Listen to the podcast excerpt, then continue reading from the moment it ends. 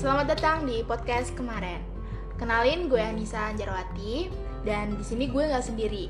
Gue ditemenin sama temen gue, tuh Faiz Adil Muhammad. Halo Faiz, Halo Nisa. gimana nih kabarnya? Alhamdulillah sampai saat ini gue baik-baik aja. Alhamdulillah. Keluarga gimana keluarga? Alhamdulillah juga. Udah punya keluarga? Aduh. Oke oke. Eh, kita itu berdua dari mahasiswa LSPR dan di sini tuh kita eh, akan membawakan tema dari COVID-19. Tapi sebelum memasuki pembahasan, kita mau nanya-nanya dulu nih sama Faiz. Boleh, boleh, boleh. Oke, Faiz, eh, kan kita satu ku- satu tempat kuliah nih. Iya. Menurut lo gimana sih kuliah di LSPR tuh? Menurut gue nih ya, kan kita sendiri nih kuliah udah sampai semester 3 nih. Semester 1 offline. Terus semester 2 online. Ketiga online. Gara-gara apa? Pandemi. Tuh. Pusing, pusing bala gue ini. Waktu pengalaman semester 1 gimana? Bahagia nggak di LSPR? Menurut gue nih pas semester 1 sendiri gue sih cukup menyenangkan ya di kampus tersebut. Namun di akhir semester nilainya kurang memuaskan karena isi kuliah kemarin tuh hanya kebanyakan main. Jadi terdapat banyak nilai yang kurang memuaskan bagi diri gue. Kalau Nisa sendiri gimana sih nilai semester 1? Kalau gue sendiri sih semester 1 seneng banget karena nilai gue lumayan membantu banget sih. Alhamdulillah. Ya, Karena juga mungkin pengaruh dari uh, offline itu sendiri ya. Kita bisa berinteraksi langsung sama dosen, tanya jawab. Jadi kayak untuk nilai bakalan membantu sih. Nah, untuk semester 2 sama 3-nya nih. Yang di mana kita seharusnya lagi sibuk-sibuknya ya nggak sih? Pasti. lagi sibuk sama project terus eh, praktek-praktek karena kan eh, umumnya kita ngambil maskom ya otomatis kita punya banyak eh, apa proker-proker yang lebih seru gitu kan. Iya. nah terus kalau menurut lo di semester 2 sama semester 3 ini terlebih ya terlebih di semester 3 itu gimana? Pendapat lo? Kalau menurut gue nih pas semester 2 pas adanya pandemi ini sih kan langsung ada pemberitahuan tuh kita langsung online ya. Itu kan apa ya pas pemberitahuan tuh kayak cuman sementara. Nyatanya sampai semester 3 sampai sekarang tuh masih online nah semester 2 ini kan harusnya ada performing art communication. Yang Iya, harusnya itu ada teater iya bener yang banget uh, bener banget. Itu aslinya tuh seru banget tuh kalau misalnya offline. Dan nyatanya itu teaternya perorangan. Itu mah harapan indah berujung duka. Ih, bener banget. Kayaknya pas banget ya sama judul kita nih. Nah, tema kita hari ini kan Pas hiruka. apa sih hiruka itu Nisa Harapan indah berujung duka. Bagus banget ya tuh. parah bagus banget Dan kayaknya ini bakalan eh, bersangkut pautan ya tentang COVID ini sama eh, perkuliahan kita. iya nih semester 2 ini kan pas online tuh gue pas gue ngerasa sih kayak masih nerima lah ya semester 2 Bener. online soalnya gue pengen memperbaiki nilai gue yang semester 1 tuh tuh banyak banget yang apa ya kurang memuaskan lah dan alhamdulillahnya semester 2 nilai gue berangsur-angsur membaik Alhamdulillah. soalnya semangat belajarnya naik Walaupun walaupun agak malas sedikit oke. dan masuklah ke semester 3 Yang apa tuh? yang di mana apa ya udah nggak nerima apa sih online ini banyaknya apa sih virtual virtual ketemuan virtual apalah itu. Zoom google meet segala Bikin macem pusing gak sih? parah pusing buat kalau gue ini. Kuota gue kagak ada. Wifi gue first media mati mulu. Kok sama sih? Gue juga pakai first media mati mulu. lu bayangin aja nih gue lagi absen pas mau nama gue Waisadil Muhammad. Wifi gue nyalanya cuma dua nyala doang yang nyala lampunya. Bayangin. Bener, itu tuh parah sih. Itu bagian ter, aduh, meresahkan banget ya. aduh. Kita udah mantengin tuh di zoom. Mm-mm. tapi kalau nggak ke absen tuh kayaknya sayang ya walaupun kita tidur ya. Enggak sih kalau gue nggak pernah tidur. Oh gitu ya? Hanya memejamkan mata sebentar. Iya iya boleh boleh boleh. Oke is. Kita kan sekarang udah masuk semester 3 nih. Dan untuk pelajarannya itu kita tuh baru semua. Yang di mana kita udah penjurusan tuh media massa communication. Iya. Kalau menurut lo ini pelajaran di semester 3 gimana sih kalau menurut gue nih ya pelajaran semester 3 ini tuh cukup apa ya dibilang berat hampir dibilang ringan? Enggak nggak mendekati. Lebih ke berat sih intinya. Terus kan kita ada pelajaran apa tuh? Media convergence terus ada desktop publishing ada basic journalism agama terus ada English for Eng- English business tuh intinya itulah persuasif apalagi sih? Bentar deh inget-inget dulu. Pokoknya ada beberapa lagi deh. Terus menurut gue tuh yang paling berat tuh adalah desktop publishing. Kenapa? Karena apa ya itu kan hal yang baru tuh bagi hidup gue kita belajar belajar software software tentang desain desain gitulah terus tanpa ada mentor. Terus kalau nanya juga males kan kalau nanya online online gitu. Agak susah tiba-tiba disuruh belajar gituan. Pusing dah pusing. Pokoknya pusing banget dah. Berarti pelajaran yang kurang lo serk itu dia di desktop publishing bukan. ya. kalau menurut gue sih bukan kurang serk ya. Namun keadaannya aja. Kalau offline tuh pelajarnya itu kan pasti seru kalau menurut gue seru banget. Itu kan sangat berguna di masa yang akan datang kan tuh. Bikin-bikin begitu. Iya sih benar-benar setuju. Jadi sangat ngefek banget ya untuk saat ini. Gue juga ngerasa gitu sih di desktop publishing kayak kurang banget karena kalau mau nanya juga males, bukan males sih, tak kayak gimana ya, kayak kurang efektif aja ya nggak sih? Iya, maksudnya maksud tuh kayak kita nanya, kita pasti juga kurang ngerti juga. Kalau langsung kan pasti bisa ada apa ya? Langsung enak lah kalau langsung intinya. Benar-benar benar. Setuju gue. Terus kalau untuk mata kuliah yang paling lo senengin tuh apa sih? Yang paling gue senengin tuh mata kuliah basic journalism. Oke, itu kenapa tuh Itu- alasannya? Salah satu apa ya? Mata kuliah itu dosennya tuh baik banget, super super baik. Enak dia ngerangkul mahasiswanya tuh kayak ada tugas dikoreksi sama dia, jelasinnya juga enak. Pokoknya dia yang paling ramah. Oh iya, ada juga nih yang gue suka media convergence. Asik. Itu apa tuh? Karena apa ya? Apa sih?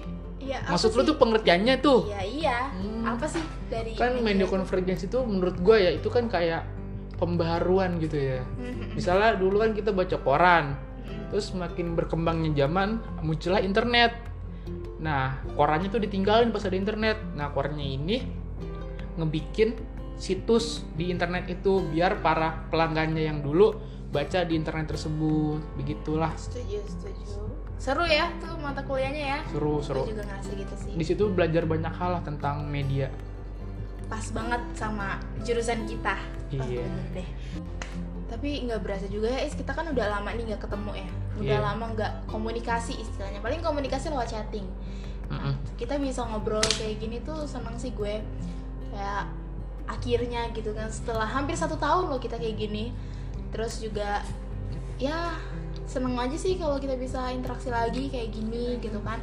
Dan ternyata juga setelah kita ke- eh, ngobrol kayak gini ternyata banyak juga kesamaan kita. Iya, iya. kayak tentang keluh kesah kita selama belajar online kesenangan kita saat belajar offline gitu kan. Dan mungkin kita juga punya satu kesamaan. Kan kalau gue pengen banget salah satu gue tujuan gue kuliah di London School itu sebenarnya tuh pengen banget ngadain performing arts yang di mana Hmm. kita akan mengadakan awarding nights kalau lo gitu gak sih Iya itu salah satunya lah. Itu kan menurut gua salah satu hal yang ditunggu-tunggu kan pasti Iya, pas semester. 1 tuh performing art itu kan. Bayangin aja tuh dulu pas SMA emang ada teater-teater. Mana ada SMA tiba-tiba lu disuruh bikin teater yang panggungnya mewah, lightning di bener mana-mana. banget bener aduh Terus apalagi ya pokoknya tuh harus bener-bener perfect lah pas pentas itu. Soalnya kan banyak penontonnya juga yang dateng. impian semua mahasiswa London School kali ya Pasti. Aduh, tapi sayangnya untuk batch 23 khususnya karena kita Iya. di batch 23 Hmm. eh, tidak bisa menda- eh, merasakan hal seperti itu. Tapi Iya. it's okay nggak sih? nggak apa-apa lah kita Oh, mah ya. terimanya gitu kan sebagai pelajaran hidup. Iya, oke. tanpa adanya performing art online gue nggak bisa ngedit video sampai sekarang Bener bener banget. terima kasih performing art Oke, bener bener bener setuju setuju banget. Oke, by the way, gimana nih kehidupan sehari-hari lo setelah selama pandemi ini gimana tuh? Kan pastinya kita disuruh di rumah aja kan sama imbauan pemerintah kan kita harus 3M tuh mencuci tangan memakai masker dan menjaga jarak. Semuanya yang denger pokoknya harus ngelakuin itu ya biar kasus covid di Indonesia tuh menurun. Benar setuju. Gue tuh kebanyakan di rumah aja terus gue disuruh nyokap gue tuh minum vitamin C minum madu. Pokoknya banyak lah apa tuh klepon jamu klepon tuh intinya tuh apa sih yang jahe kunyit dicampur kita minum tuh tuh bikin anget badan. Terus makanannya juga gue dikasih makan makanan bergizi oleh orang tua gue biar terhindar dari penyakit. Dan tak lupa kita pesen GoFood. Itu udah menjadi salah satu eh, sebuah pola hidup juga tuh ya iya. kalau GoFood. kalau Nisa gimana sih kehidupan sehari sehari harinya ketika pandemi ini? Oke, kalau gue sendiri mengalami suatu perubahan juga sih. Yang biasanya gue abis apa nggak pernah olahraga, terus makanannya juga nggak dijaga, terus juga eh, jorok lah istilahnya nggak pernah cuci tangan, asal langsung makan. Dan sekarang jadi lebih teratur karena kan memang kita harus mematuhi protokol kesehatan. Gitu. Jadi eh, sebenarnya sih untuk pandemi ini ya pasti ada negatif positifnya ya pasti pasti kita yang biasanya males olahraga, males bersih-bersih jadi semangat untuk olahraga, semangat bersih-bersih dan untuk negatifnya mungkin yang nggak usah dijelasin juga kayaknya pasti. oh iya oh iya. Gue gue juga olahraga tahu nis. Oh iya, Iya, gua- olahraga apa tuh? sepedaan. Wah, kan gue ngeliat artis sepedaan tuh gue ngiri tuh. Minta Oh, beliin iya. mak gue peda. Dikasih loh sepeda fiksi warna putih Oh mantep banget dong. tapi harganya mahal Gue padahal dulu boleh minjem nggak? Gue boleh minjem nggak? banyak meledak kemarin pas gue naik sepeda serius udah nggak bohong badan gue meledak Oke oke. Terus sempet juga sih waktu eh, di tengah pandemi itu sepeda tuh lagi viral banget loh. parah parah banget sampai sampai apa harga sepeda aja tuh Naik. bisa dua kali lipatnya gue sampai shock banget loh kayak se viral itu terus ada juga tuh sepeda yang paling mahal tuh mereknya sepeda Brompton Hmm. Itu tuh kalau di sini tuh bisa sampai puluhan juta. Itu malah mahalan Brompton daripada kuliah bayaran semester kuliah gua itu. Oh gitu. Gak usah diperjelaskan iya. mahal banget sepeda itu. Itu kayaknya kita naik ini ndak uang kuliah. Bener-bener. Terus untuk kesibukan lu sehari-hari selain kuliah apa tuh? Ada nggak? Aduh aduh ditanya beginian nih. Gua mana bisa jawab? Udah tau gue cuman kuliah tidur kuliah tidur makan intinya. Aduh oh iya ada nih kesibukan gue yang paling sibuk. Apa tuh apa? Ngedumel sendiri.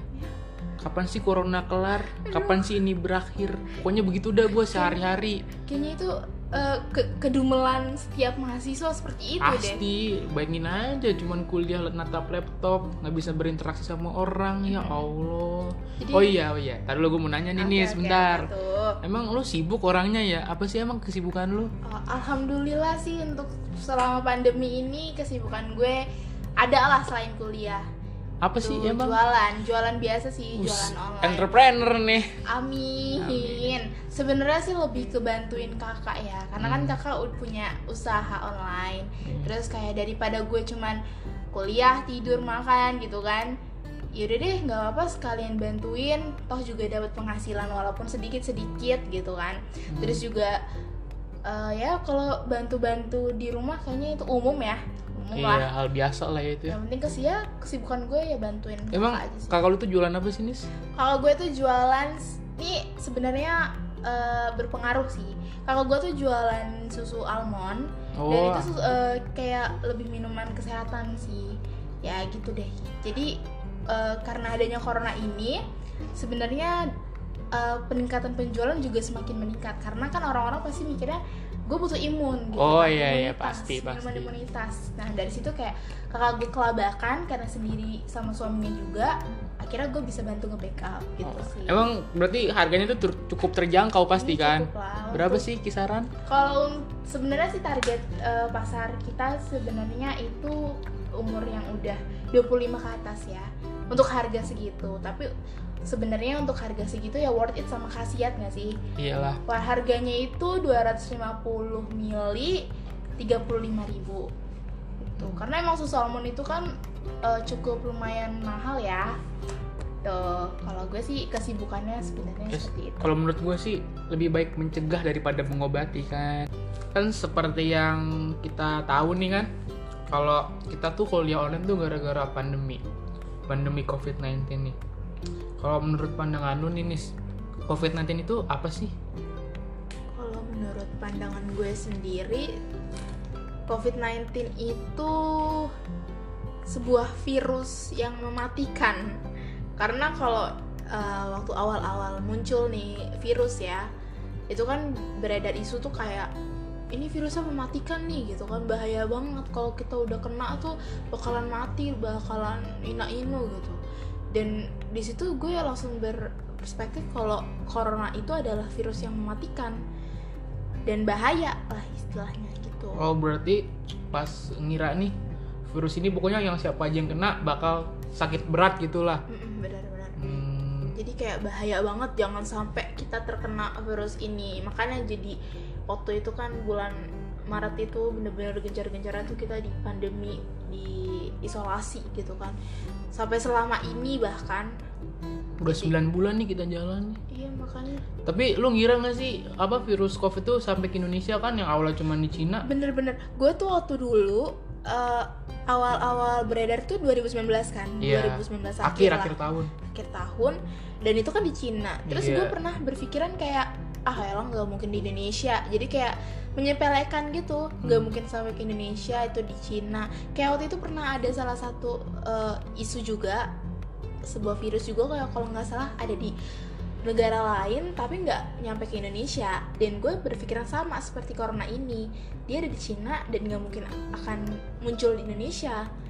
Pas tahu waktu itu ada eh, di Indonesia dua kan waktu itu terinfeksi Hmm. langsung tergencar-gencarnya langsung nyari nyari masker ya nggak sih? Parah. nyari hand sanitizer semua supermarket habis semua penuh. Duh bener-bener kayak sebuah bener-bener kayak cobaan baru nggak sih di dunia gitu? Kayak dunia tuh sedang kerasukan virus. Tapi gue sih ya gue ngiranya juga nggak bakal ke Indonesia. Soalnya kan kata menteri terawan kita mantan Menkes itu kan katanya nggak bakal masuk. Anak apa? Orang-orang Indonesia tuh makan nasi kucing jadi nggak bakal kena tapi kan nyatanya kan nggak begitu. Di- Indonesia juga ada yang kena-kena juga. Walaupun yang kita tahu nih padahal kan Indo- Indonesia itu orangnya pada kotor-kotor. Mm. Secara tanda kutip kan. Makan sembarangan pecel lele aja minyaknya kayak ini ban mobil hitam. Bener banget. Jadi berbanding terbalik ya sama ekspektasi kita pada Iya. awalnya banyak yang bilang tenang aja tenang aja. Taunya malah menyebabkan seperti ini gitu. Iya. dan selama ini gitu oke terus kalau menurut lo sendiri nih menurut pendapat lo kan waktu COVID-19 masuk ke Indonesia tuh banyak ya. Awal-awal masuk tuh banyak banget isu-isu yang beredar iya. banyak-banyak video yang beredar tuh. Nah itu menurut lo kayak gimana tuh? Kalau menurut gua kan yang kita lihat kan di video gitu yang ada di WA WA orang tua tuh yang kata ada yang dari China kan tuh Mm-mm. yang tiba-tiba ada masyarakat China yang tiba-tiba jatuh lagi jalan. Hmm, iya tuh bener-bener kalau gue sih orangnya bodoh amatan ya. Mau mati juga ya udah. Mau hidup lagi juga ya udah. Ya tapi gue rada takut sama rada pokoknya rada-rada dah gue sama isu itu tuh. Brand apa rada bener apa rada bohong. Kayak masih diambang-ambang lah ya. iya soalnya kan tahu sendiri Indonesia tuh kan rajanya hoax. Iya benar-benar apalagi pas ada isu gitu kan tiba-tiba ada pandemi Indonesia masyarakat langsung pada panik buying kan di supermarket rame ada yang borong indomie berkardus-kardus masker langka dijual di marketplace sampai puluhan juta. Iya. Eh, banget deh di Shopee tuh pernah ada ngejual masker Hmm. 15 juta. Sama kayak bayaran kuliah kita.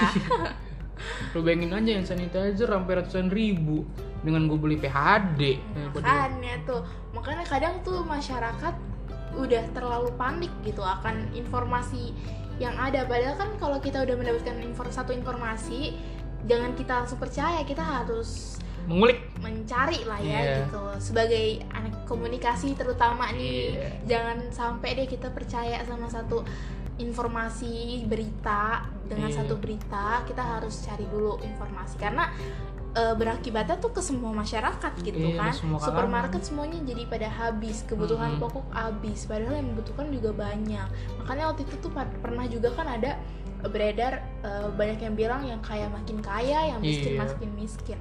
Jadi untuk seperti itu kayak kurang adanya kestabilan lah ya. Ya, lu bayangin aja. Ada tuh yang misalnya gue pernah baca berita ada bapak sama anak dia tuh sakit.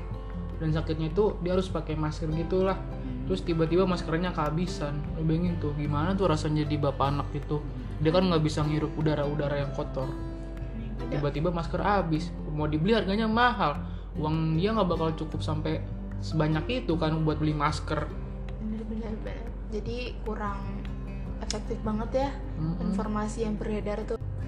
Oke jadi selama pandemi itu kan banyak banget tuh faktor atau dampak yang bermunculan di kehidupan kita. Iya. kalau dari lo sendiri menurut pandangan lo nih sebagai mahasiswa apa sih dampak apa sih yang paling berpengaruh untuk hidup lo ini? Menurut pandangan gue ya dampak yang paling berpengaruh itu adalah ke dampak ekonomi. Karena akibat pandemi gini kan apa Jakarta atau kota-kota lainnya kan menerapkan PSBB atau apa perbatasan sosial berskala besar. Akibat PSBB itu kan banyak perusahaan-perusahaan yang apa ya yang memberhentikan karyawan mecat karyawannya. Terus gara-gara terus itu gara-gara itu juga yang kebutuhan konsumsi masyarakat itu menurun. Jadi apa ya banyak orang-orang yang dipecat lah kasarnya. Atau di PHK ya. Iya PHK di mana-mana. Oh iya nih kalau menurut lu sendiri di dampak ekonomi itu gimana sih? Berpengaruh apa enggak sih? Eh, kalau gue sih bener sih eh, berpengaruh juga lah pasti. Tapi kalau gue karena ada backupan lah ya. Walaupun nggak ada 100% ada cuman ya alhamdulillah sedikit-sedikit gue kumpulin. Jadi untuk pengaruh di dampak ekonomi ini eh, 50% 50% gitu.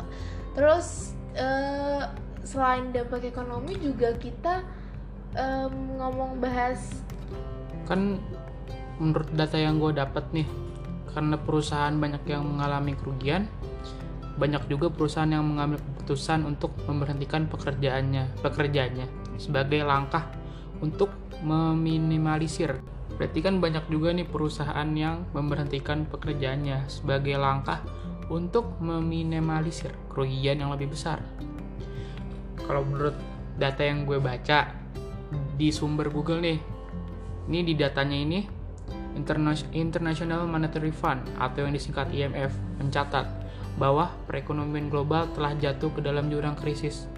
Setelah sekitar 90% negara-negara di dunia ini diproyeksi mengalami kontraksi atau menderita pertumbuhan negatif. Banyak negara-negara yang masuk ke jurang resesi seperti Selandia Baru yang penyusutan, yang penyusutan sebesar 12,2% untuk periode April hingga Juni. Amerika, Amerika Serikat juga mengalami resesi minus 32,9% pada kuartal kedua 2020.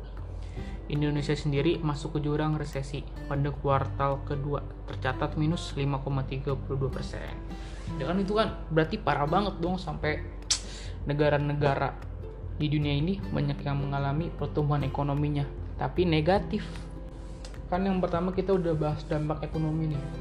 Menurut pandangan lu nih Nis, apa sih dampak yang terjadi akibat pandemi ini selain di ekonomi? Yang pasti sih kalau menurut gue ada dampak sosial Hmm. itu yang terpenting sih kalau menurut gue karena gini kalau kita kan biasa hidup berinteraksi Pasti. saling komunikasi Iya. bertatap muka ya kan nah dengan adanya social distancing kayak gini Hmm. pandemi seperti ini tuh sang- eh, sangat amat meresahkan lah istilahnya kayak kita jadi saling berjauhan, saling menjauhkan, saling membuka circle yang baru gitu loh. Jadi kayak berkubu-kubu gitu. Yang tadinya kita bersama-sama dengan adanya pandemi seperti ini jadi kayak kita tuh punya kubu sendiri. Kayak kita nggak bisa berinteraksi karena takut terpapar virus. Jadi untuk aspek sosial ini tuh bener-bener berpengaruh sih karena gue sendiri juga jadi kayak mau berinteraksi sama orang takut. Apa apa Iya. harus pakai masker ya nggak sih? Sedih apa mau bersentuhan salinan tangan aja harus pakai hand sanitizer. Jadi kayak eh, menambah menambah aktivitas gitu loh. Yang tadinya kita mau ngomong asal ngomong sekarang harus benar-benar menggunakan masker. Jadi bener-bener social distancingnya tuh kuat banget. Kayak menjauhkan banget. Bahkan kadang satu rumah pun aja eh, kayaknya kalau misalkan ada satu salah satu keluarga yang habis berpergian gitu kan Iya, iya. dan itu sangat berpergian karena adanya hal penting ya Hmm. dan balik ke rumah tuh kayak itu tuh diasingkan kita tidak boleh bertemu dengan dia kita tidak bisa berinteraksi sama dia jadi tuh bener-bener kayak ya efeknya tuh besar lah untuk karena kan manusia juga kebutuhan sosialnya tinggi ya nggak sih? Iya iya. Kita harus berinteraksi salah satunya. Kalau kita nggak berinteraksi kita nggak akan bisa menjalankan hidup gitu. Hmm. jadi dengan ya adanya social distancing itu agak membuat kehidupan jadi berbeda. Gue juga setuju sih. Dampak sosial ini kan sangat berpengaruh itu menurut gue sangat terdampak lah. Karena kan biasanya mau nongkrong mau nongkrong di coffee shop apa segala macam ketemu temen tiba-tiba ada pembatasan ketika ke coffee shop. Kita dibatasi duduknya misalnya per meja dua orang kan jadi kan kita nggak bisa nongkrong rame-rame lagi. Benar. terus kita juga harus pakai masker. Kalau pakai masker kan ketawa juga nggak bakal ketahuan kan. Iya, paling bener. suaranya doang. Pokoknya kan intinya gara-gara pandemi ini kita harus lebih bisa beradaptasi lah. Benar-benar harus bisa menyesuaikan segala hal yang baru. Karena nggak mungkin juga ya kita dengan pandemi kayak gini kita juga hidupnya juga berhenti gitu kayak Iya. nggak ada aktivitas. Kata pemerintah juga kan ada istilah namanya new normal kan. Oh iya benar-benar oke. Dan kalau menurut gue sendiri nih ya ya kayaknya ada deh salah satu faktor yang sangat berpengaruh juga nih. Salah satu aspek penting lah. Apa Denis? Mental health gak sih? Setuju sih gue emang sih setuju tuh parah sih mental health gue gara-gara pandemi ini. Gue lebih sering stres kayaknya dah gara-gara pandemi. Kalau lu gimana tuh? Parah kayak eh, jadi beda banget deh. Kadang malah suka menyendiri gitu sih di kamar. Ah, tuh mah lu nya aja emang mageran keluar kamar. Nggak gitu sih sebenarnya. Tapi emang iya kayak gimana ya? Jiwa gue tuh kayak ya ampun gue pengen kayak dulu lagi kehidupan seperti dulu kehidupan Iya. normal. Bahkan eh, waktu lebaran lo inget kan yang Iya. kita tuh lebaran gak ada sholat id dan lain-lainnya. Itu kayak gue ngerasa ya ampun seharusnya gue bisa ketemu sama saudara-saudara gue jadi kayak sedih banget gitu loh. Ya emang mungkin lebay ya cuman gue pribadi sih lebih eh, kurang seneng aja. Jadi kebanyakan sedih gitu kan. Hmm, kadang kalau udah ketemu keluarga apalagi sepupu-sepupu tuh kayak lebih enak lebih iya. berbaur. Apalagi kita silaturahim kan. Tapi dengan adanya pandemi kayak gini jadi kebanyakan sedih. Iya kan berarti covid ini kan nggak hanya nyerang fisik kan Mm-mm. mental juga ikut kena. Karena kan menurut gua banyak masyarakat tuh yang khawatir ini virus gimana ya? Bisa kita kita bisa mati nggak sih gara-gara Hmm, virus bener, ini? bener. atau enggak punya pikiran gara-gara virus ini apa kita bisa oh ya is gue tuh ada nih satu contoh eh, tetangga gue sih. Hmm, dia tuh kayak kena serangan eh, health gitu loh kayak mental ya Iya, mental kena mental. ya? Mental dia tuh kena tetangga gue sendiri. Hmm, dia selama pandemi ya kalau kita kan mungkin masih berinteraksi maksudnya berinteraksi tapi jauh-jauhan social Hmm. distancing. Jaga terus jaraknya kita aja kan iya kita. betul. Terus kita juga tetap komunikasi. Tapi kalau dia tuh bener-bener di rumah nggak pernah mau menerima tamu wa- walaupun kita menerima tamunya di luar lah di eh, di teras halaman rumah tapi dia tuh sama-sama tidak mau eh, menerima tamu nggak pernah mau berinteraksi. Bahkan di chat aja ya di sosial media di eh, apa chatting gitu dia tuh nggak pernah bales. Jadi kayak menyendiri murung kayak nggak mau melakukan aktivitas apa pun bahkan rumahnya tertutup. Padahal eh, yang kita tahu tuh eh, salah satu pencegahan dari virus corona ini kan berjemur ya. Hmm. walaupun kita keluar rumah tapi at least kita mencari sinar matahari. Tapi kalau dia tuh bener-bener tertutup itu salah satu tetangga gue sih. Kayak kasihan aja gitu yang tadinya dia berinteraksinya tuh bener-bener aktif di lingkungan dan sekarang jadi pendiam karena mungkin takut ya. Sebenarnya sih wajar cuman kayak terlalu eh, terlalu panik ya. Hmm, takut nggak bagus juga untuk kesehatannya dia.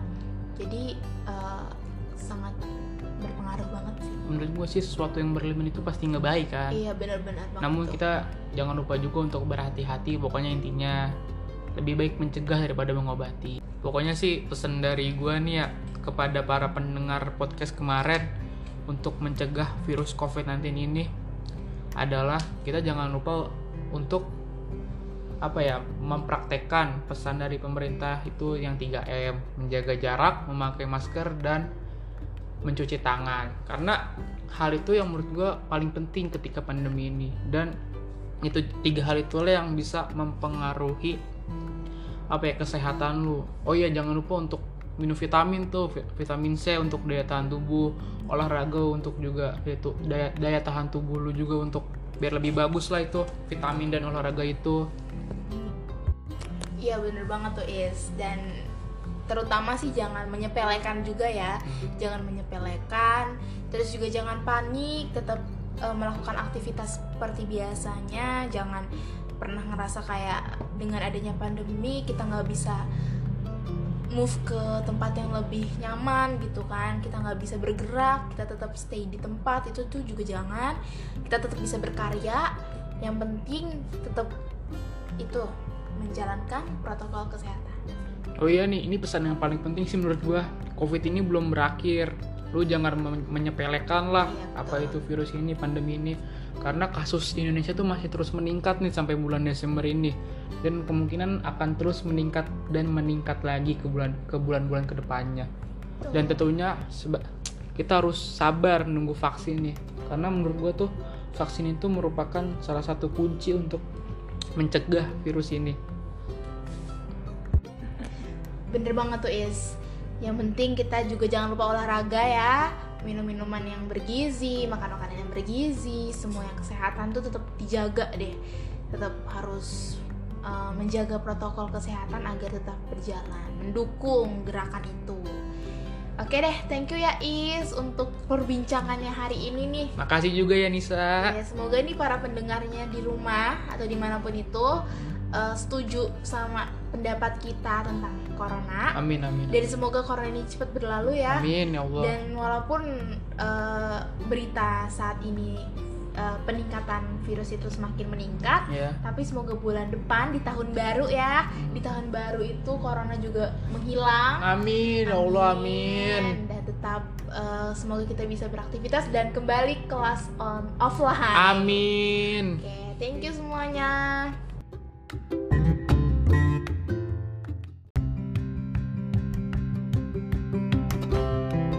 Selamat datang di podcast kemarin. podcastnya kelompok mahasiswa keren. Oke, di episode kedua kali ini kita bakal bahas Hiruka versinya K-pop fan girl, ya kan? Kalau di episode Bener sebelumnya banget, membahas Hiruka yang gimana, Vin? yang terlalu formal. Iya, yang anak-anaknya ya nggak serusuh kita gitu kan. Bener Jadi banget. gue Gigi, Dan gue Vina, kita berdua akan sharing cerita di saat pandemi. Oke, wih gila banyak banget nih pasti ini cerita kita kan secara K-popers itu di masa-masa pandemi ini banyak banget tuh cerita-cerita Bener banget. keset-kesetnya ya Banyak. kan? Iya, apalagi banyak juga kan asupan-asupan dari yang kita idolain. Aduh, Banyak banget. bahaya bahaya. Oke, Vin, di awal-awal Ya. oh pas awal-awal pandemi ini lu ada cerita nggak sih? Oke, ini kan awal-awal pandemi tuh pas saat dua, tahun 2020 kemarin tuh ya. Mulai-mulai Maret. Nah, jadi sebelum eh, si pandemi ini nyerang negara kita nih Indonesia, Hmm. tanggal 1 Maret itu gue nonton konser, nonton konser Korea tuh. Idola Apa gue. nih? Apa nih Idola. fandomnya nih? Iya, fandom gue ini NCT Zen. Berarti secara nggak langsung gue nonton konsernya NCT Dream tuh Oh, Oke. di tenis indoor Senayan. Nah, itu Hmm. waktu pas tanggal 1 itu berjalan lancar, nggak ada apa-apa. Gue juga nonton konser tanpa masker, banyak keliling orang-orang juga kayak ya udah fine fine aja gitu sama yang lain. Nah semen- Oh. sehabis sehabis nonton konser itu ternyata besoknya tanggal 2 kan, tanggal 2 Maret itu pas gue bangun tidur tuh habis nonton konser pasti kan capek banget. HP tahu-tahu ternyata Indonesia warganya udah ada yang kena corona dong. Nah, di situ lu panik gak sih? Takutnya kayak, aduh, gue kena nggak ya? Masalahnya kan lu pernah sempet cerita ke gue kalau suara lu abis, pilek lah, batuk, ya nggak sih? Iya bener, bener bener parah. Gue sehabis nonton konser tuh kayak suara gue hilang, gak ada suaranya hampir seminggu. Terus kayak Hmm. badan capek-capek juga kan. Mm-mm. Sehabis gue buka berita yang kata ada warga Indonesia yang kena COVID, langsung kan rame gitu. Banyak juga kayak yang ngasih tahu ciri-cirinya kena COVID tuh apa. Nah ciri-cirinya itu yang ada di badan gue. Sehabis itu pasti gue kayak parno banget kan kayak apa janjian gue kena Mhm. nih? Secara nggak langsung juga kemarin gue habis nonton konser kan rame tanpa masker takut juga. Tapi lama-lama suara gue balik lagi normal terus badan gue juga nggak kenapa-napa. Sehabis nonton konser gue juga ketemu nih sama temen gue ini si Gigi. Kita mau beli ini kan Gi? Inget gak sih Oh, kita iya. mau beli sanitizer? Gue mau cerita, gue di mau cerita nih. kampus. Jadi ada kejadian lucu di mana gue sama Vina itu ketemuan di Transmart. Kita mau ke Carrefournya tuh. Ceritanya panik buying ya kan. Aduh, pusing nih. Iya, Gimana nih banget. corona? Ditambah si Vina juga badannya lagi ngedrop. Gue jadi panik kan. Ayo Vin, kita Iya, beli bener. vitamin, beli hand sanitizer, masker DLL. Eh, taunya ceritain Vin. Nah, pas kita udah nyampe kita tuh langsung dong ke rak-rak Hmm. yang kayak kesehatan gitu. Kita cari hand sanitizer yang biasanya itu rak kayak pembersih tangan hand sanitizer Mhm. itu penuh gara-gara ada berita corona tanggal Mhm. 2 tuh ya. Langsung kosong. Dan di situ posisinya gue sama si Gigi ini pengen beli kan karena buat kayak stok gitu. Soalnya semenjak ada itu berita tuh kayak orang-orang panik buying kayak belinya tuh Parah, kira-kira gitu loh untuk dijualin Mm-mm. lagi dan harga tinggi Mm-mm. banget. Pas kita mau ngambil, ternyata ada ibu-ibu Ih, sama banget anaknya anjir. sambil bawa dia sambil bawa troli kalau Mm. nggak salah ya. Dia ngambil hand sanitizer itu yang ada di rak tokonya itu kayaknya diambil semua deh dari sebagai dari berbagai produk. parah sampai gua mau ngambil hand sanitizer satu doang itu si ibu-ibunya sinis banget kayak kayak gimana ya? Iya kayak kamu ngapain sih ikutan ngambil? Ini kan punya saya. Padahal kan kayak ini kan supermarket siapa Ah, aja bebas dong betul. orang mau beli. Tapi dia eh, ngeliatinnya tuh ke kita berdua tuh kayak aneh gitu kayak ngapain sih ini anak ikut-ikutan beli? Kayak Mhm. gitu. Dan dan dia tuh nggak ngeborong hand sanitizer doang sampai vitamin pun diborong. Sampai akhirnya kita cuma dapet hand sanitizer 2 vitamin 2 sama kayaknya sih udah deh itu aja karena selebihnya bener-bener kosong raknya dibawa sama si ibu-ibu itu sampai bertroli-troli kayak wah kacau nih Vin Iya kayak banyak banget pas di dalam hati gue langsung kayak gini ini kayaknya ibu-ibu mau dijualin lagi deh mentang-mentang beritanya Mm-mm. lagi tinggi-tinggi banget kan orang-orang juga langsung kayak berapapun harganya pasti gue beli kayak gitu Iya. Nah, gara-gara pandemi itu kan ya, padahal kita tuh lagi apa, Vin? lagi liburan di bulan Maret itu tuh kita emang ada jadwal masuk kuliah lagi tanggal 14 Nah, kita Mm-mm. dari awal-awal bulan Maret tuh udah kayak ekspektasi nih, yes, gue bakal ketemu lagi sama temen-temen, bakal dapat uang Betul. jajan, nah terus bakal pokoknya bakal itu deh hidup baru di semester baru juga semester 2 kan. Nah, Bener.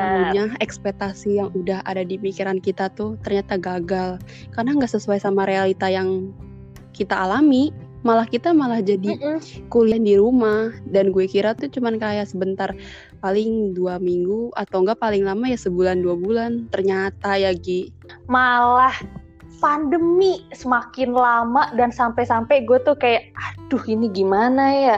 Masanya tuh udah ada kabar-kabar kan nih. Secara kan kita tuh eh, fansnya dari agensi SM Entertainment ya kan, yang Iya. kerjaannya itu ngeluarin merchandise terus. Aduh, semakin banyak merchandise kita pun nggak bisa beli karena nggak ada uang pemasukan itu bener banget tolong garis bawahi kita kita lagi kan kita nggak punya pemasukan gara-gara pandemi ya kan? Iya terus bener kita mikir nih kayak aduh ini gimana ya?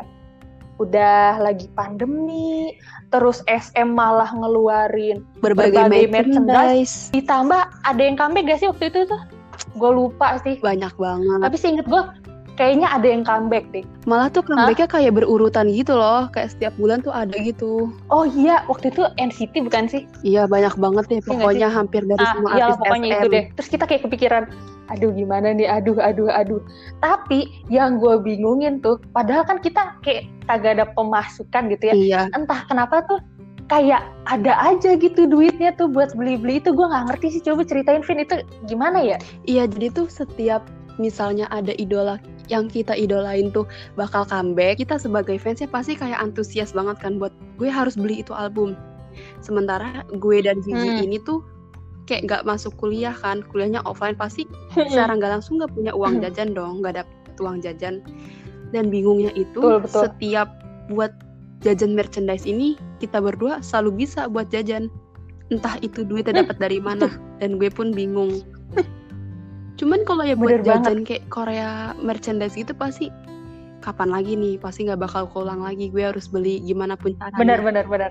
Dan itu pasti ada jalan Bener. tikusnya kayak bisa. Ada aja gitu pasti kayak aduh gue bokek nih gue bokek nih. Tetap aja itu barang kita beli kan? Iya. Gue juga nggak ngerti sih sejujurnya. Ngomongnya sih tiap setiap comeback kayak gini aduh gue nggak punya duit bokek banget.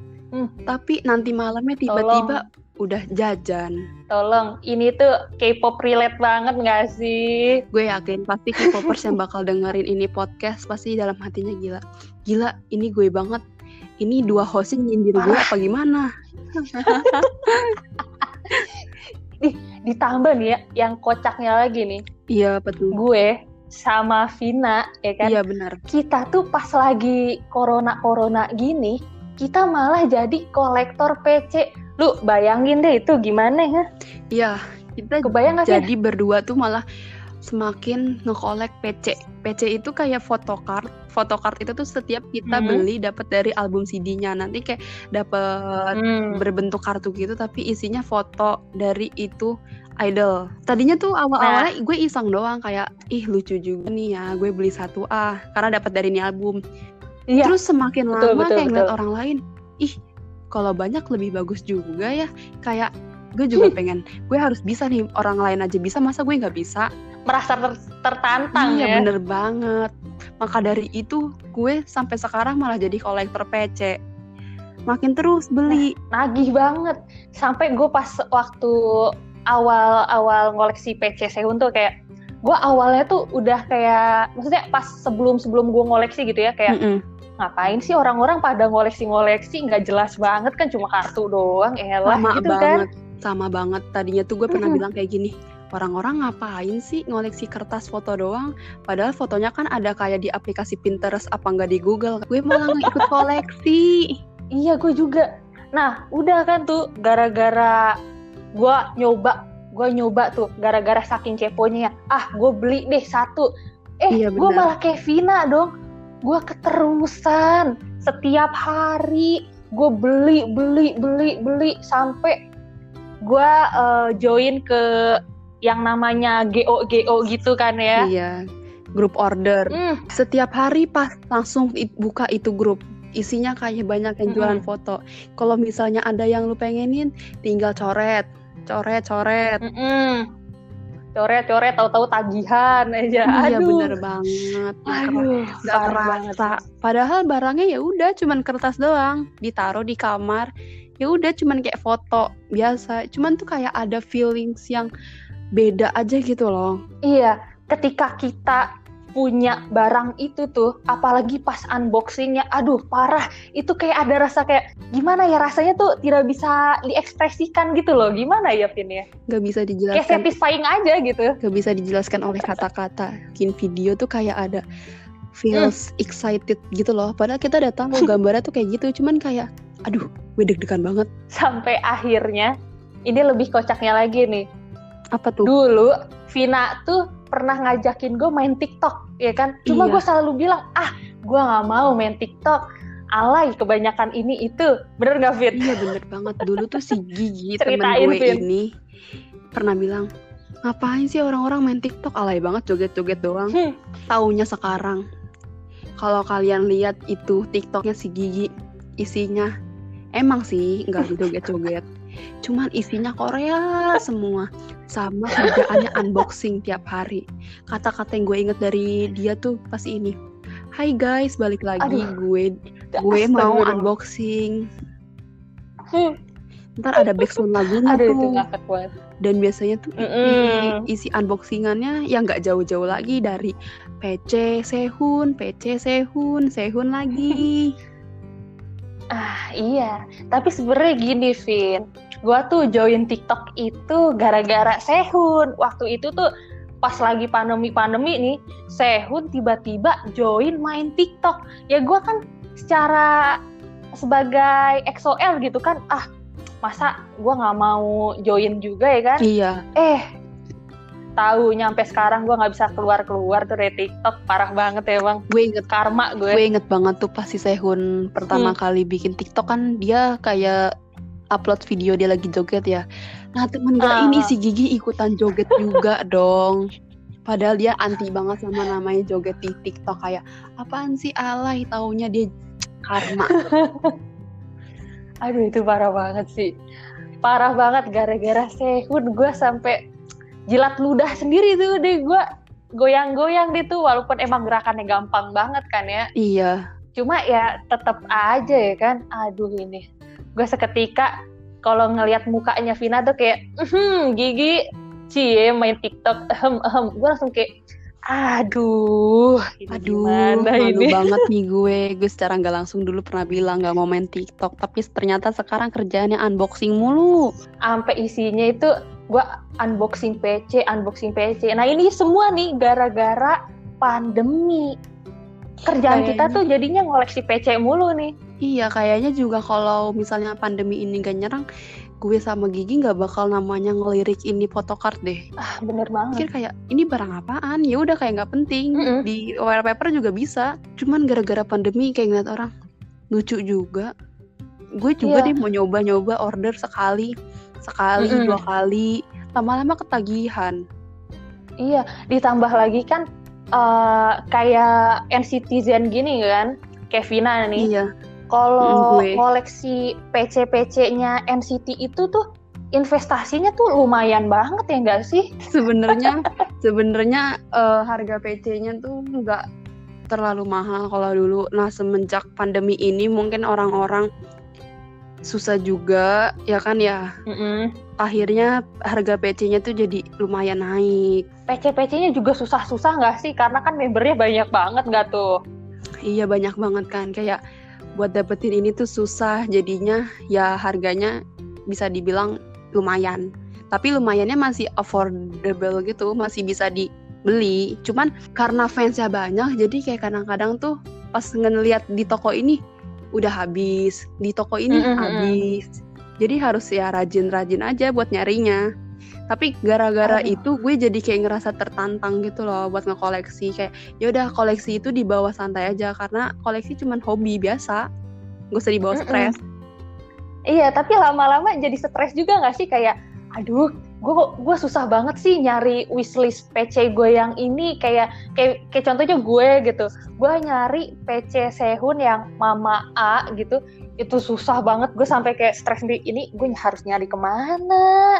Kok gue nggak dapet-dapet? Eh, giliran si Vina tuh yang wishlistnya susah juga. Dapet dong gara-gara gabut nyarinya. biasanya tuh gue kalau misalnya dapet PC wishlist itu tuh kayak lagi ya udahlah kayak Ih, PC juga masih banyak kan di dunia ini kayak pasti cuman masih Hmm. dikip sama orang nggak tahu jualnya kapan biar aja dibawa santai aja karena gue iseng-iseng gue orangnya suka main Twitter gue suka search di SB Hmm. dong search band Iya, dan ternyata tuh suka ada yang jual gitu kayak ih ini belum ada yang reply harganya juga masih Aduh. affordable lah Hmm. yaudah gue iseng aja DM kayak halo ini masih ada nggak ya? Ntar dia balas masih. Terus kayak ya udah akhirnya dari percakapan itu gue bakal beli itu PC ntar tiba-tiba dua hari kemudian ada tuh mas-mas paket halo paket ntar teriak paket gitu. Iya mas. Ya ntar bikin no video unboxing biasa. Iya. kalau Gigi pasti kerjanya unboxing di TikTok sih langsung tuh. Aduh, eh gara-gara pandemi ini bener-bener deh parah tuh tukang paket kayaknya udah apal sama muka-muka kita ya enggak sih? Kayak bener-bener hampir Iya. setiap hari paket, paket, paket. Sebenarnya karena pandemi ini kita juga sebagai fans K-pop, Hmm. apalagi kita tuh fansnya SM Entertainment. Heeh, Si SM ini ngasih kita banyak banget konten. bener, bener. Dan yang jarang-jarang banget ini tuh SM Entertainment ngadain konser gratis. Aduh, Bisa diakses di mana pun. Di aduh. Youtube, di TikTok, dan di berbagai platform lainnya. Itu Mm-mm. tuh kayak bikin fans SM tuh kayak demi apa? Serius, ini gratis, nggak bercanda Nah. kan? Apa kita lagi di Hmm. prank? apa Dan gua ternyata itu halu? beneran gratis. Iya. Eh, tapi nih ya pas eh, apa namanya tuh SM ngeluarin apa konser gratis ya. Gua tuh mikir kayak Iya, konser Gak gratis. mungkin SM tuh ngasih gratisan tanpa apa ya? Maksudnya cuma Tanpa konser cuma timbal cuma balik. tuh kan iya, itu kan nggak mungkin SM banget gitu kan. Secara kan SM itu kan doyan duit gitu kan. Doyan memeras juga. Gue langsung mikir kayak gini nih. Kayaknya nih untuk mengembalikan modal untuk konser gratis itu pasti setelah konser akan ada banyak jualan nih. Eh, taunya iya. bener banget dong. Jualannya segabrek. Gue langsung kayak, waduh, ini gimana, Vin? Banyak banget kan merchandise yang dia keluarin dari berbagai Mm-mm. grup secara nggak langsung kan SM Entertainment itu emang nggak satu dua grup doang kan yang dia Mm-mm. naungin di gedungnya banyak Betul. banget jadi kalau lo jadi fans SM Entertainment terus tuh nge-stand semua grup yang ada di Aduh, naungan SM bisa-bisa ada bokeh Parah. udah mana nggak ada pemasukan kerjaannya jajan terus kan Ih, bener banget. Gue nggak ngerti lagi. kadang-kadang tuh mikir kadang-kadang tuh mikir Mm-mm. ini duit dari mana sih buat beli merchandise tapi bisa aja ntar tiba-tiba ada tukang paket datang Iya, sampai nih, eh gue tuh, gue tuh kan di SM tuh fandomnya Elf sama EXO-L ya kan. Gue tuh kalau Iya. beli apa-apa tuh kan pasti langsung dua ya kan. Gue harus beli, misalnya gue beli season tuh. greeting, season greeting nih, gue nggak cuma beli EXO, Hmm. gue harus beli Super Junior juga kan. Itu tuh semuanya gue Iya. harus beli double double double. Gue langsung kayak, aduh, ini gimana ya? Tapi ada aja sebenarnya duitnya buat beli tapi corona pemasukan gua kayak agak mandet gini aduh aduh ribet banget ya ini kalau udah corona kayak gini nih ditambah SM juga ngeselin gue yakin banget sih gue yakin banget yang ada di pikiran dia gini Hmm. Kayaknya gue cuma perlu beli satu doang. Tapi di pikiran satunya lagi kayak gini beli dua ini kesempatan gak bakal terulang lagi. Betul. nggak apa-apa beli sekarang. Karena nanti susah lagi dicarinya. Betul. Gitu. Iya. gitu aja terus setiap jajan.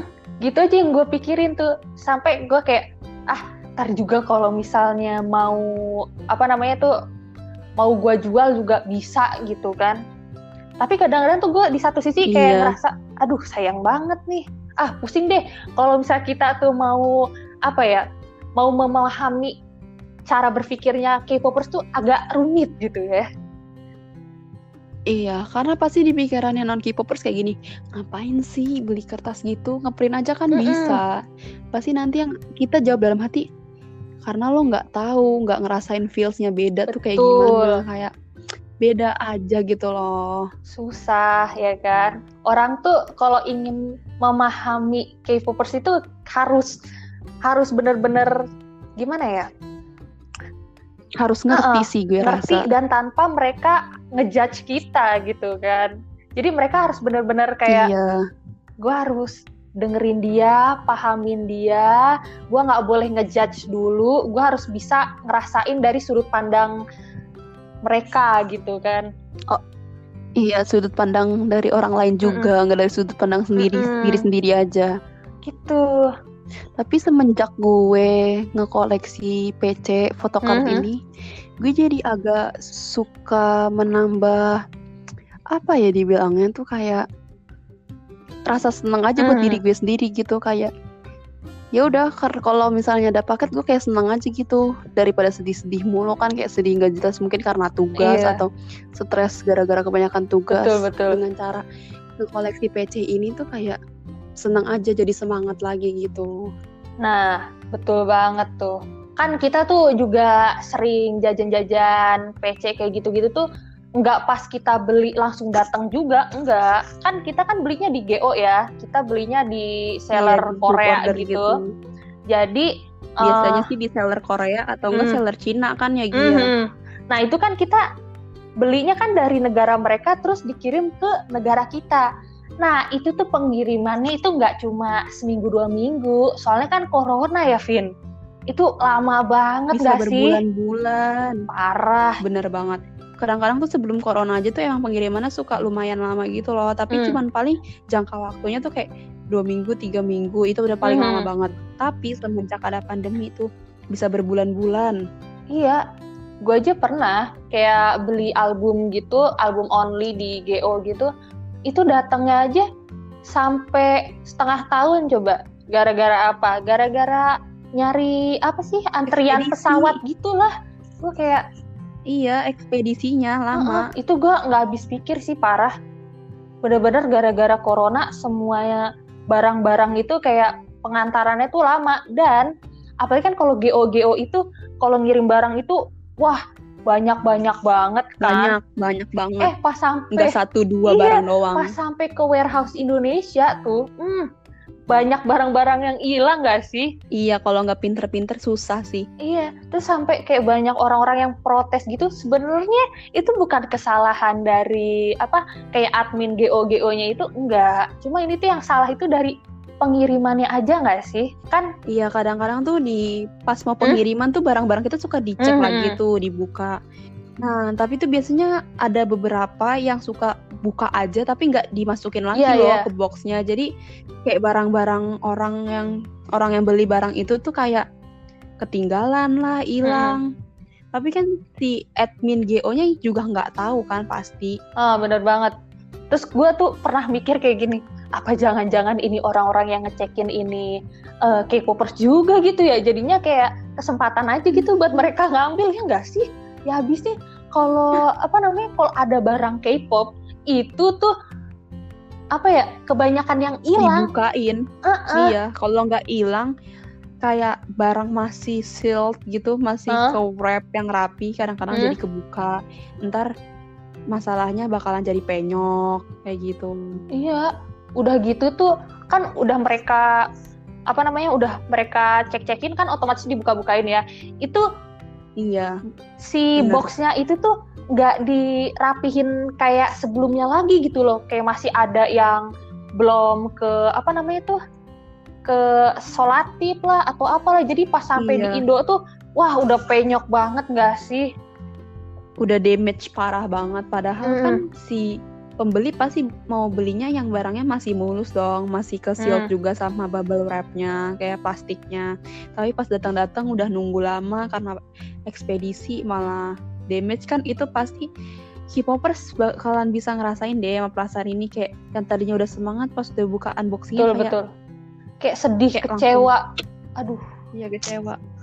gue pernah merasakan itu. Kayak pas sudah sampai ada yang penyok tuh kayak aduh. Aduh ini gimana? Karena tuh gini loh K-popers itu sebenarnya bukan cuma buat ngoleksi doang kan. Secara kan kita juga investasi untuk dijual kembali.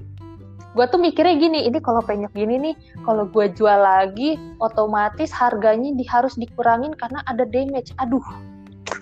Otak gue tuh kayak gitu tuh guys tuh. Gue kepikiran nih jadinya nih. Selama pandemi ini total ha- apa ya duit yang keluar Total belanjaan kita. ah itu berapa sih Vin? lu tau gak Vin? Aduh, gue sendiri tuh tadinya cuma iseng-iseng doang kan kayak belanja K-pop K-pop gitu cuman kayak Hmm. oh gue pengen ngerasain nih sekali dua kali masih oke lah gue nulis totalan harga yang gue beli di Shopee apa enggak di Twitter gitu kan di notes. Hmm. Lama-lama kok makin banyak ya sekarang Hmm. sampai di detik sekarang gue jajan mulu akhirnya gue nggak pernah naruh lagi di notes. Takut takut ngitungnya nggak berani. sama banget. Gue sama banget kayak Vina pas awal-awal gue jajan tuh kayak gue catetin oh harganya segini tambah IMS tax oh segini. Makin ke sini nggak pernah gue catetin. Tiba-tiba ada paket aja. Itu semua gara-gara kayak aduh gue takut nih kalau misalnya gue jumlahin. Masa itu gue kalau jajan tuh bukan cuma satu dua biji doang. Gue sekali beli PC tuh bisa sampai puluhan. Jadinya takut iya kan satu PC aja tuh harganya bisa sekitaran 60 sampai 100 kan berdasarkan Iya iya.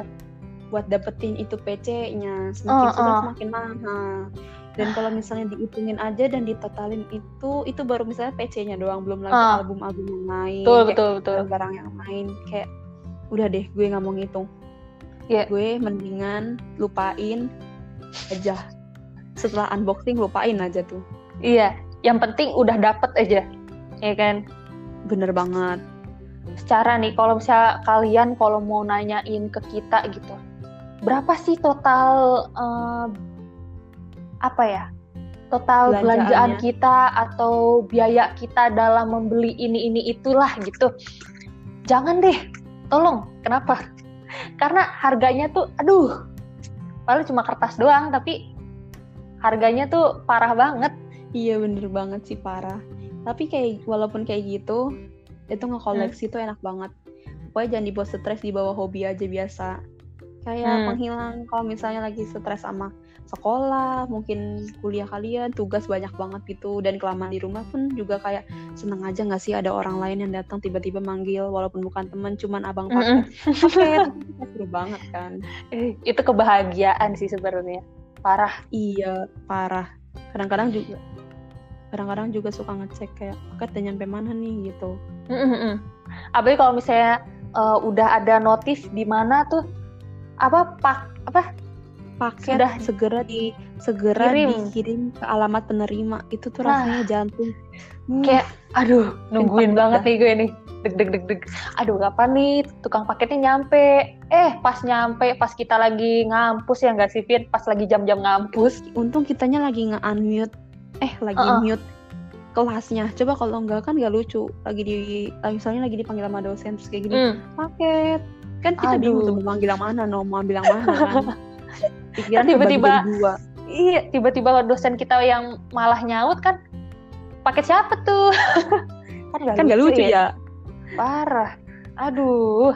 Emang nih kadang-kadang eh, tukang paket agak meresahkan juga gitu ya. Kalau misalnya datang pas kita lagi kelas itu kayak bener-bener bener. Aduh bang bisa nggak sih? Nyampainya jangan pas lagi kayak gini pas istirahat bisa nggak? Gitu kan. Kan gue jadi deg-degan ya. pikiran pikiran jadi kebagi dua. Iya kalau misalnya kita nggak keluar keluar dilempar ya dilempar sih nggak masalah sih. Secara kan biasanya orang kalau apa namanya tuh Nah, ngebungkus kalau di eh, rumahnya sih? gak ada orang juga pasti Oh. lempar aja kan. Iya, untungnya kan bungkusannya agak tebel juga kan, karena pakai bubble Iya. wrap. Cuma kan kadang-kadang nih ada beberapa seller kan yang apa tuh namanya ngebungkusnya itu nggak proper gitu loh, yang cuma pakai nggak proper kayak gitu tuh dia cuma ngebungkusnya mungkin tanpa top loader atau enggak nggak dipakein bubble wrap nah itu yang Hmm. bakal bikin jadi barang jadi penyok atau enggak damage iya. Jadi kita jadi bingung tuh.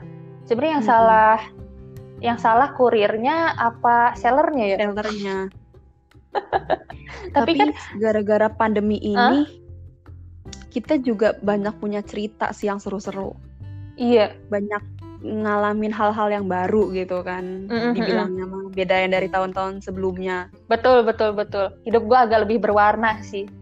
Iya, parah bener banget. Karena K-pop juga kita jadi punya banyak temen baru. Betul. Temennya itu bukan cuma di real life aja nih, tapi di sosmed tuh banyak banget dari berbagai negara ya kan? Iya, apalagi kan fans-fans K-pop itu kan nggak orang Indonesia atau orang Korea aja kan. Kayak around the Betul. world gitu banyak banget. Apa tuh? Buat nyari teman K-pop tuh di berbagai platform tuh banyak, tinggal Hmm. milih aja. Betul. Sebenarnya kita tanpa apa ya?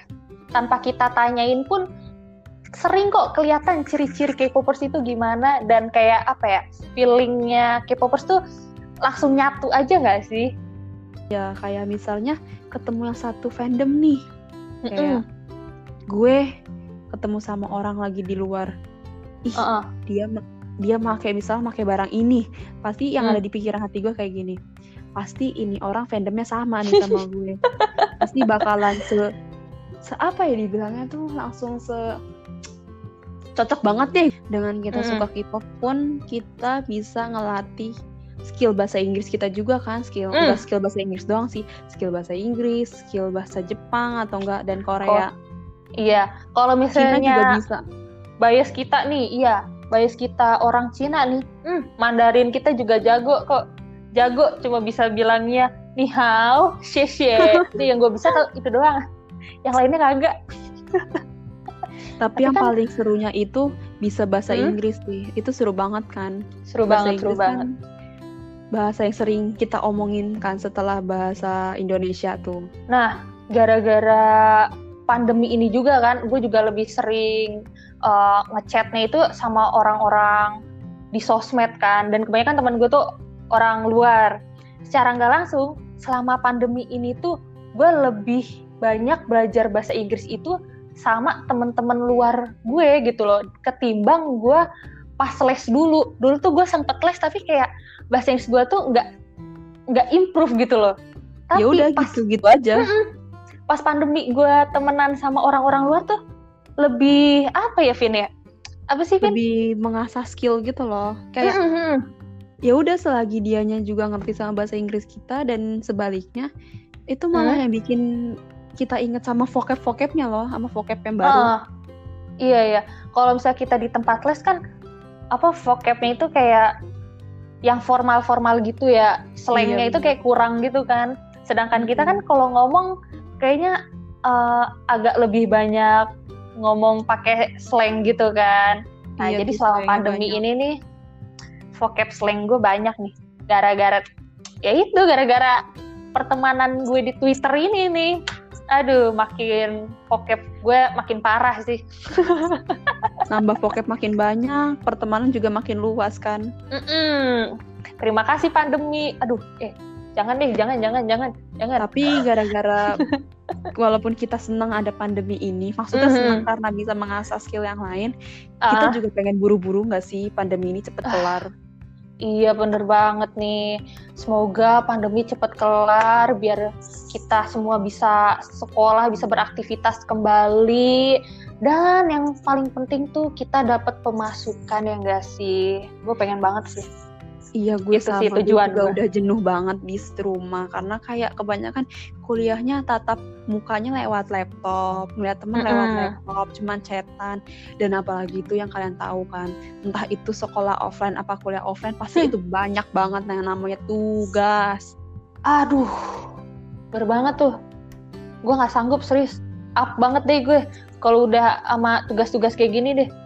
Gue kadang-kadang tuh kalau nugas tuh sambil ngefan girl biar agak lebih apa ya? Lebih, Biar lebih relax gitu kan. Heeh. Semangat juga. Dan semangat juga. Barengan lagi gila sehati banget gue sama Vina Tuh kan, parah. Emang kalau udah K-popers tuh ngomong aja walaupun LDR kayak Aduh. gini sehati. Mm. Bener, bener banget nih. Oh iya, gue mau ngasih tahu juga nih. Kalau misalnya kalian pikir kita nih podcast eh, apa namanya di tempat yang sama, oh guys, tidak. Itu salah kita banget. ya. itu, mm-mm, kita LDR di rumah masing-masing, di kamar masing-masing ya nggak sih? Iya bener banget dari jauh-jauh kan. Mm-mm, Tapi, bisa kita bikin bisa konten kayak tetap. begini. Betul, keren ya. Karena pandemi kita jadi kreatif sih. Iya dari episode 1 sampai episode 2 ini kita selalu LDR. Iya. Kita selalu bikin lanjutin episodenya kan karena demi followers podcast kemarin nih. Pasti Betul. kalian bakal nunggu-nunggu banget kan. Mana nih kak Uh-uh. episode barunya gitu. Asik. Itu sih cerita gue sama temen gue Gigi, Gigi dan Vina. Mm-mm. Gue rasa ini cerita cukup kali ya buat episode kali ini karena kita Iya. udah ngobrol banyak banget nih tentang Korea. Heeh, betul banget pun apa ya percakapan kita ini mungkin buat kalian agak kurang berfaedah nggak apa-apa karena kita cuma sharing-sharing doang kan ya Vin ya. Iya bener banget, apalagi yang podcast kemarin tuh kelompok mahasiswa keren. Di sini kita nggak ngebahas yang formal-formal aja, kita juga bisa sharing-sharing cerita yang lain yang kita rasain pada saat ini Hmm. kan. Oke nih sekarang kita udahan dulu ya kita dari podcast kemarin. Kemarin, gue Vina. Dadah, sampai ketemu di episode selanjutnya. Dadah.